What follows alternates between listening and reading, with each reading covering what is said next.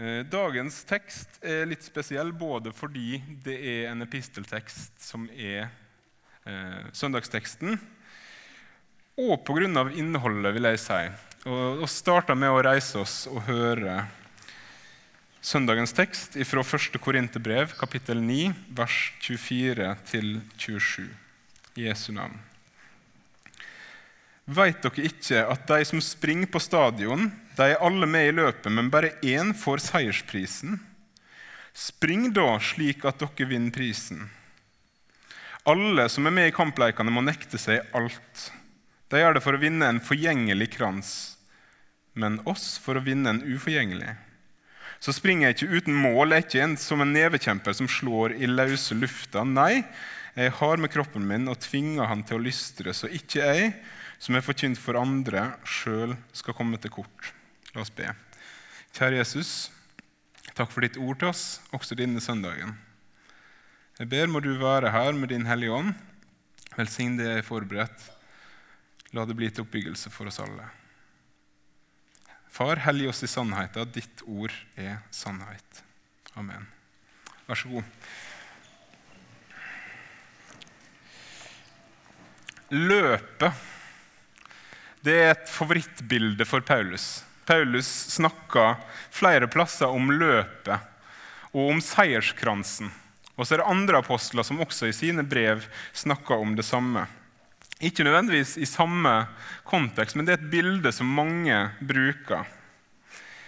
Ehm, og seierskransen eh, går også igjen i flere ulike brev med flere ulike forfattere. Løpet, slik Paulus ofte bruker det, handler om livet i lag med Jesus. Det handler om tjenester. Det handler om å, som han sier sjøl, springe på en måte med et klart mål for øyet. Han sier også i Apostlenes gjerninger, kapittel 20, når han tar farvel Eh, I Efesus så sier han dette. Men for meg er ikke liv eller død verdt å snakke om, bare jeg kan fullføre løpet og den tjeneste jeg fikk av Herren Jesus, og vitne om evangeliet om Guds nåde. Løpet det handler om et liv i etterfølgelse av Jesus. Og det kan høres stress ut, kanskje. Et løp. Idrettsmenn på ei bane. Hvorfor skal jeg måtte forholde meg til sånne ting? Jeg kjøpte meg nettopp ei ny klokke som er litt sånn nerdete, der det står 'Grace Alone'. Eh, og så står de fem solene fra reformasjonen rundt. Eh, er ikke nåden nok, liksom? Er ikke er ikke det nåden som er poenget her, at en skal kunne hvile der? Men så ser vi oss gjennom hele Bibelen og i Det nye testamentet og hos Paulus at jo skal få hvile i nåden, men livet vårt leves hele tida i spenninga mellom kamp og hvile. De to K-ene, om du vil. kamp, hvile. Og skal kjempe for å vinne en seierskrans Samtidig som denne seierskransen allerede er vår, allerede er gitt oss, allerede er på en sånn måte at oss er satt sammen med Jesus i himmelen, skriver Paulus. Og Denne dobbeltheten går kanskje ikke helt opp, men det er slik kristenlivet beskrives i Det nye testamentet. Kamp og hvile. I Johannes 4 så sier Jesus til kvinna ved brønnen, 'Kjente du Guds gave, og visste du hvem det var som snakka med deg?' 'Så hadde du bedt han om å gi deg levende vann.'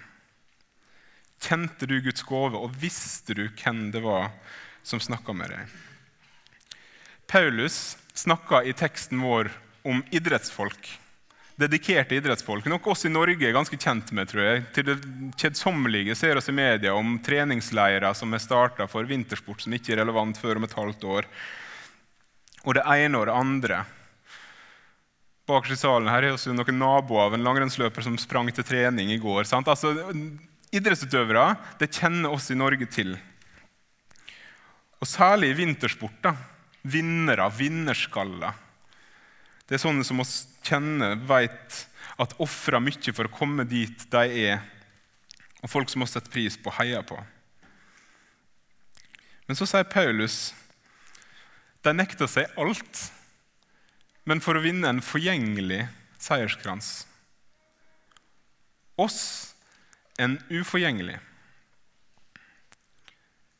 Og det er der jeg tenker Kjente du Guds gave? Eller sånn Skjønner oss hva det er oss har fått? Skjønner oss hva det er oss eier? Skjønner oss hva, hvor totalt på en måte Jesus har forandra våre forutsetninger, våre, vår situasjon?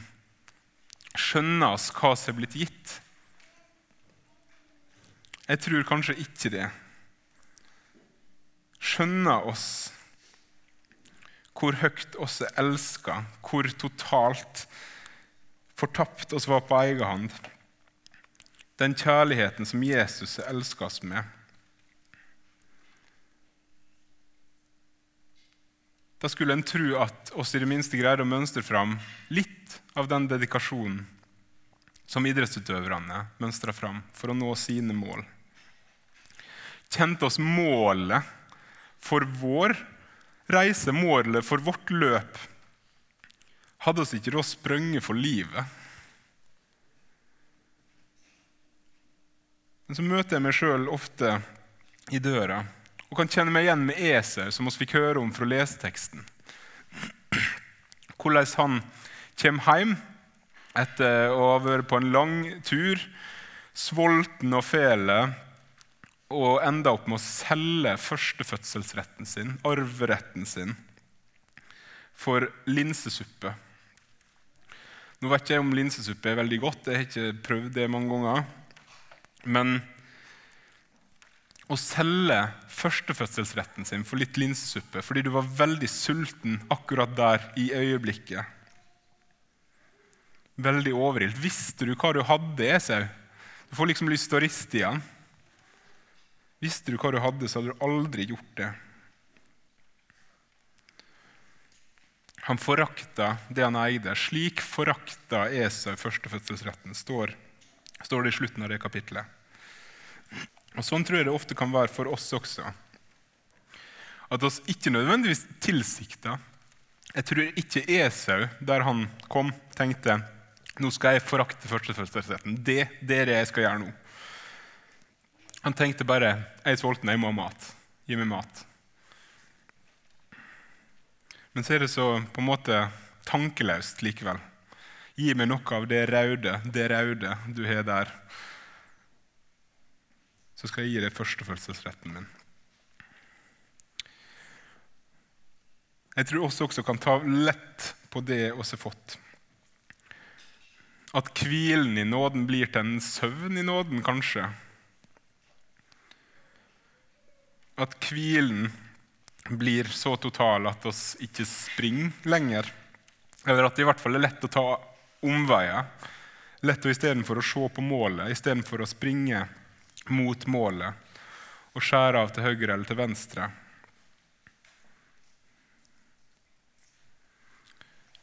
Men hvis oss var bevisst det oss eide, så tror jeg ikke oss hadde gjort det. Noen ganger så får oss se det på en særlig måte.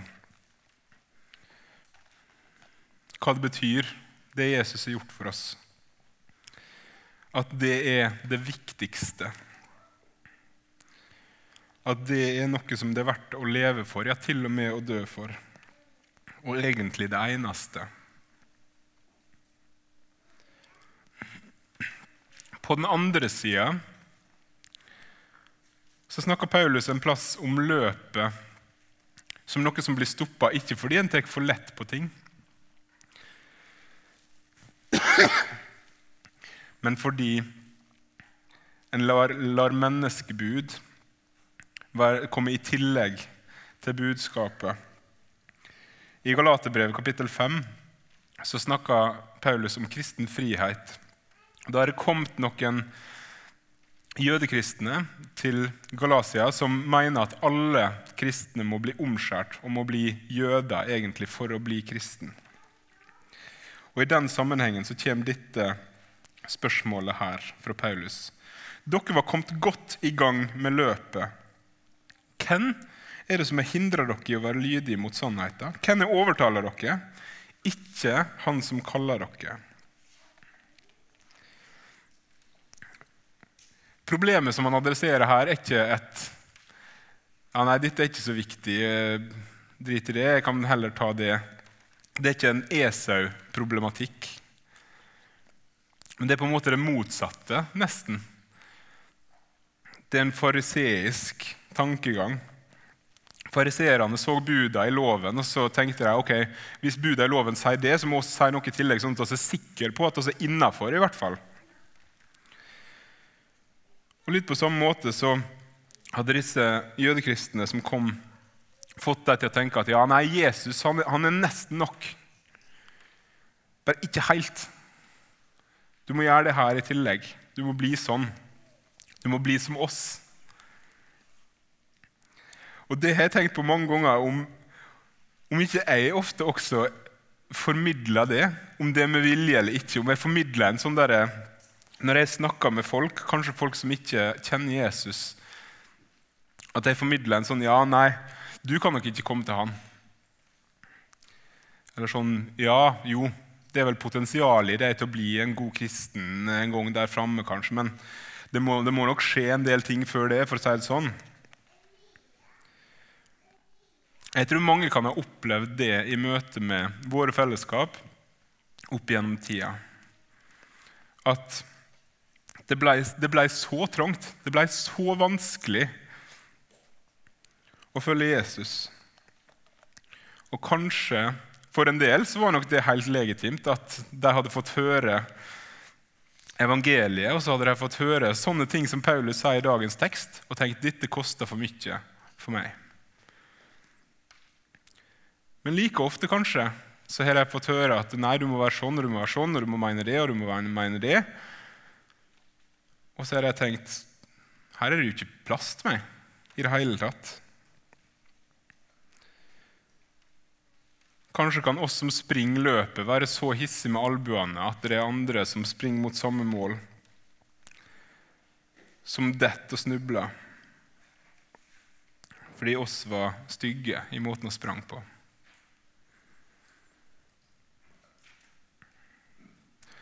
Og målet med dette løpet,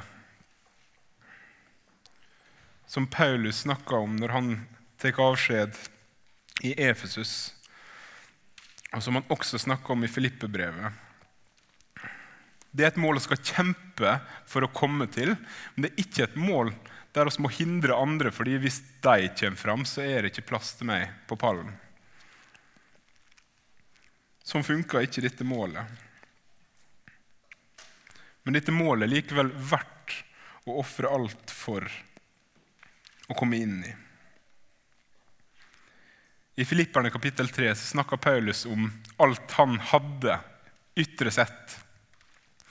Han var fariseer, han var på en måte høyt oppe hos jødene. Han hadde det han trengte. Han var både han var romersk borger og hadde liksom Hadde alt. Men så sier han i kapittel 3 i Filippebrevet, fra vers 7 og utover Men alt dette jeg så som vinning, det regner jeg nå for Kristi skyld som tap. Ja, jeg regner alt som tap mot det som er så mye mer verdt, å kjenne Kristus Jesus, min Herre. For hans skyld har jeg tapt alt, og jeg regner det som skrap, så jeg kan vinne Kristus og bli funnet i Han. Ikke med min egen rettferd, den som lova gir, men med den rettferda vi får ved trua på Kristus, rettferda fra Gud, bygd på trua. Da kjenner jeg Han og krafta fra Hans oppstandelse, får del i Hans lidelser og blir lik Han ved at jeg dør som Han. Om jeg bare kunne nå fram til oppstandelsen fra de døde. Jeg mener ikke at jeg alt er nådd dette, eller alt er fullkommen, men jeg jager etter det for å gripe det for jeg er sjøl grepen av Kristus Jesus. Mine søsken, jeg tror ikke om meg sjøl at jeg har grepet det, men ett gjør jeg. Jeg glemmer det som ligger bak, og strekker meg mot det som er framfor, og jager fram mot målet, mot den seiersprisen som Gud fra det høye har kalla oss til i Kristus Jesus.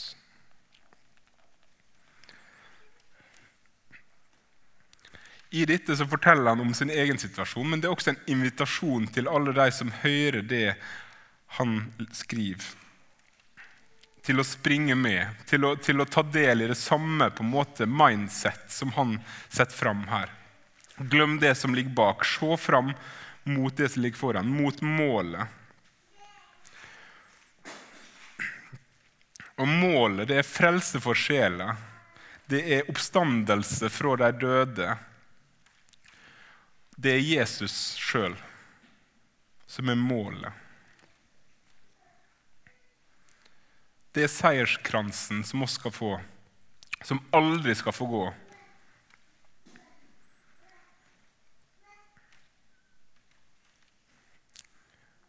han sier, det, han sier det så kult, syns jeg, i vers 26 i dagens tekst. Jeg er ikke, jeg er ikke en bokser som slår ut i løse lufta jeg springer ikke uten mål og mening. Nei, jeg har et klart og tydelig mål. Jesus, oppstandelsen, det nye livet. Så snakker teksten også om det å forsake.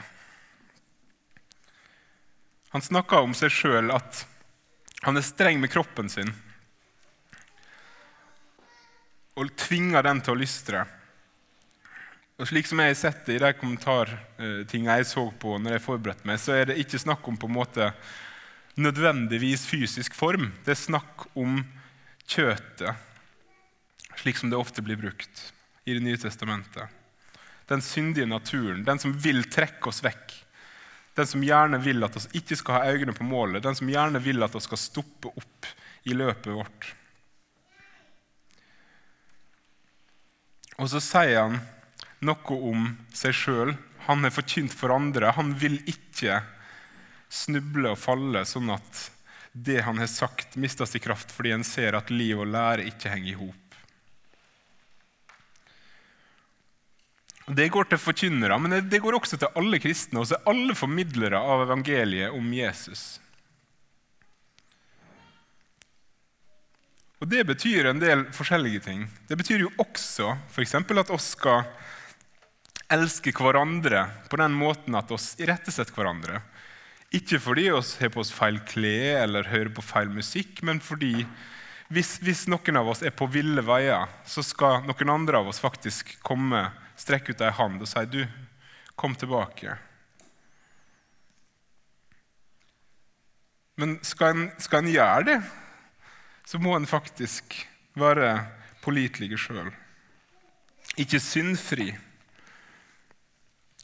men streng med seg sjøl, disiplinert, målretta. Se på Jesus, på det han har gjort. Leve som om det faktisk er viktig. Hvis en sier en bygger livet sitt på det, så må livet også se ut som at en bygger livet sitt på det. Da er det ikke rom for hovmodighet eller harde ord eller stolthet. Men det er likevel rom for å veilede, forkynne, vitne.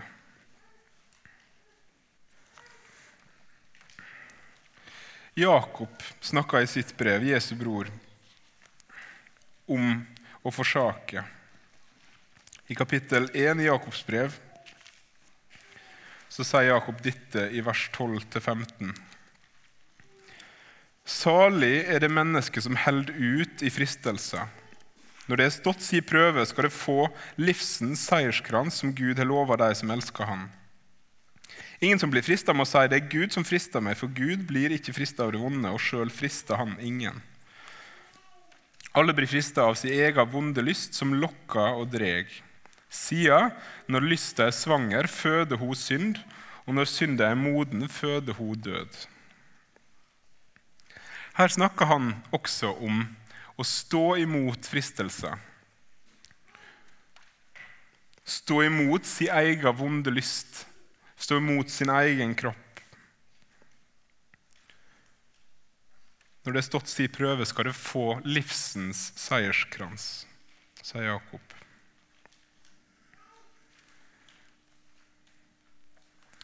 Så la oss springe dette løpet som Paulus snakker om. Uten albuene ute, men med øynene på målet og på seierskransen. Og så er det en litt fiffig detalj der med denne seierskransen også. Det er at Av og til i breva når det blir snakka om seierskransen, så kobles faktisk den til mennesket som en har fått føre til tru. Paulus skriver noen plasser om menighetene som han skriver til dere, min seierskrans.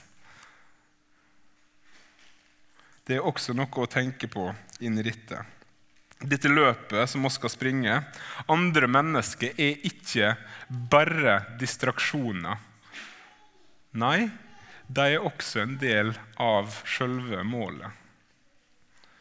Oss er kalt til å forkynne og så kalt til å vitne om Jesus for de som oss møter.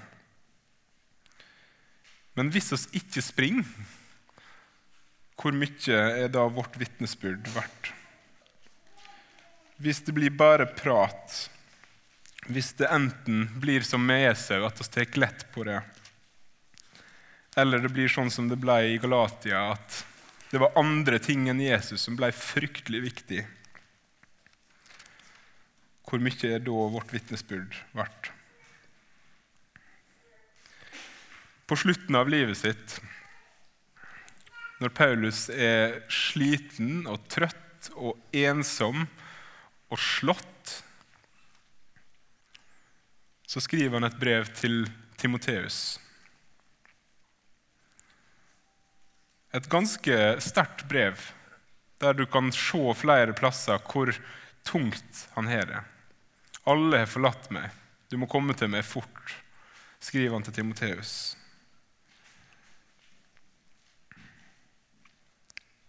Og så vet han at han snart skal dø, og så skriver han dette. For jeg blir nå ofra, og tida er kommet da jeg skal fare herifra. Jeg har stridd den gode striden, fullført løpet og holder fast på trua. Nå ligger rettferdskransen ferdig for meg, den som Herren, den rettferdige dommeren, skal gi meg på den store dagen. Og ikke bare meg, men alle som har lengta med kjærlighet etter at Han skal komme. Måtte det være noe oss også kan si når oss er slitne og gamle og ligger og veit at vi snart skal fare. At vi har stridd den gode strid, fullført løpet og holdt fast på trua.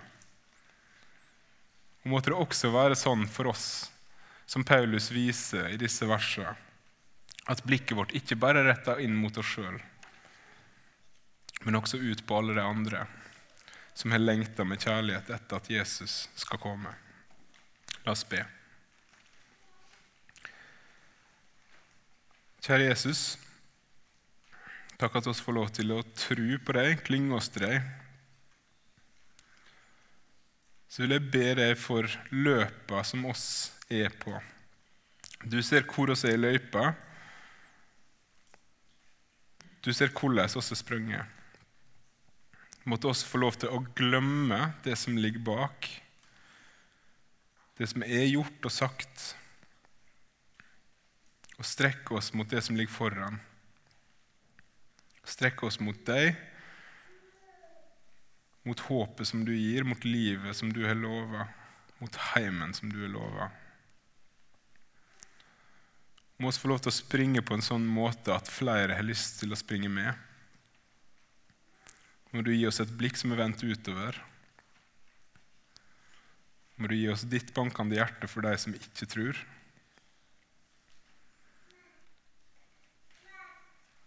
Og så ber jeg om at oss en dag må få lov til å høre fra deg. Godt jobba. Velkommen hjem. Takk for løftene som er gitt oss. Takk at seierskransen allerede er vår. Måtte du gi oss utholdenhet i løpet, slik at vi ikke taper den. Måtte du hjelpe oss og hjelpe hverandre, slik at alle oss kan stå der med den samme kransen. I ditt navn, Jesus. Amen.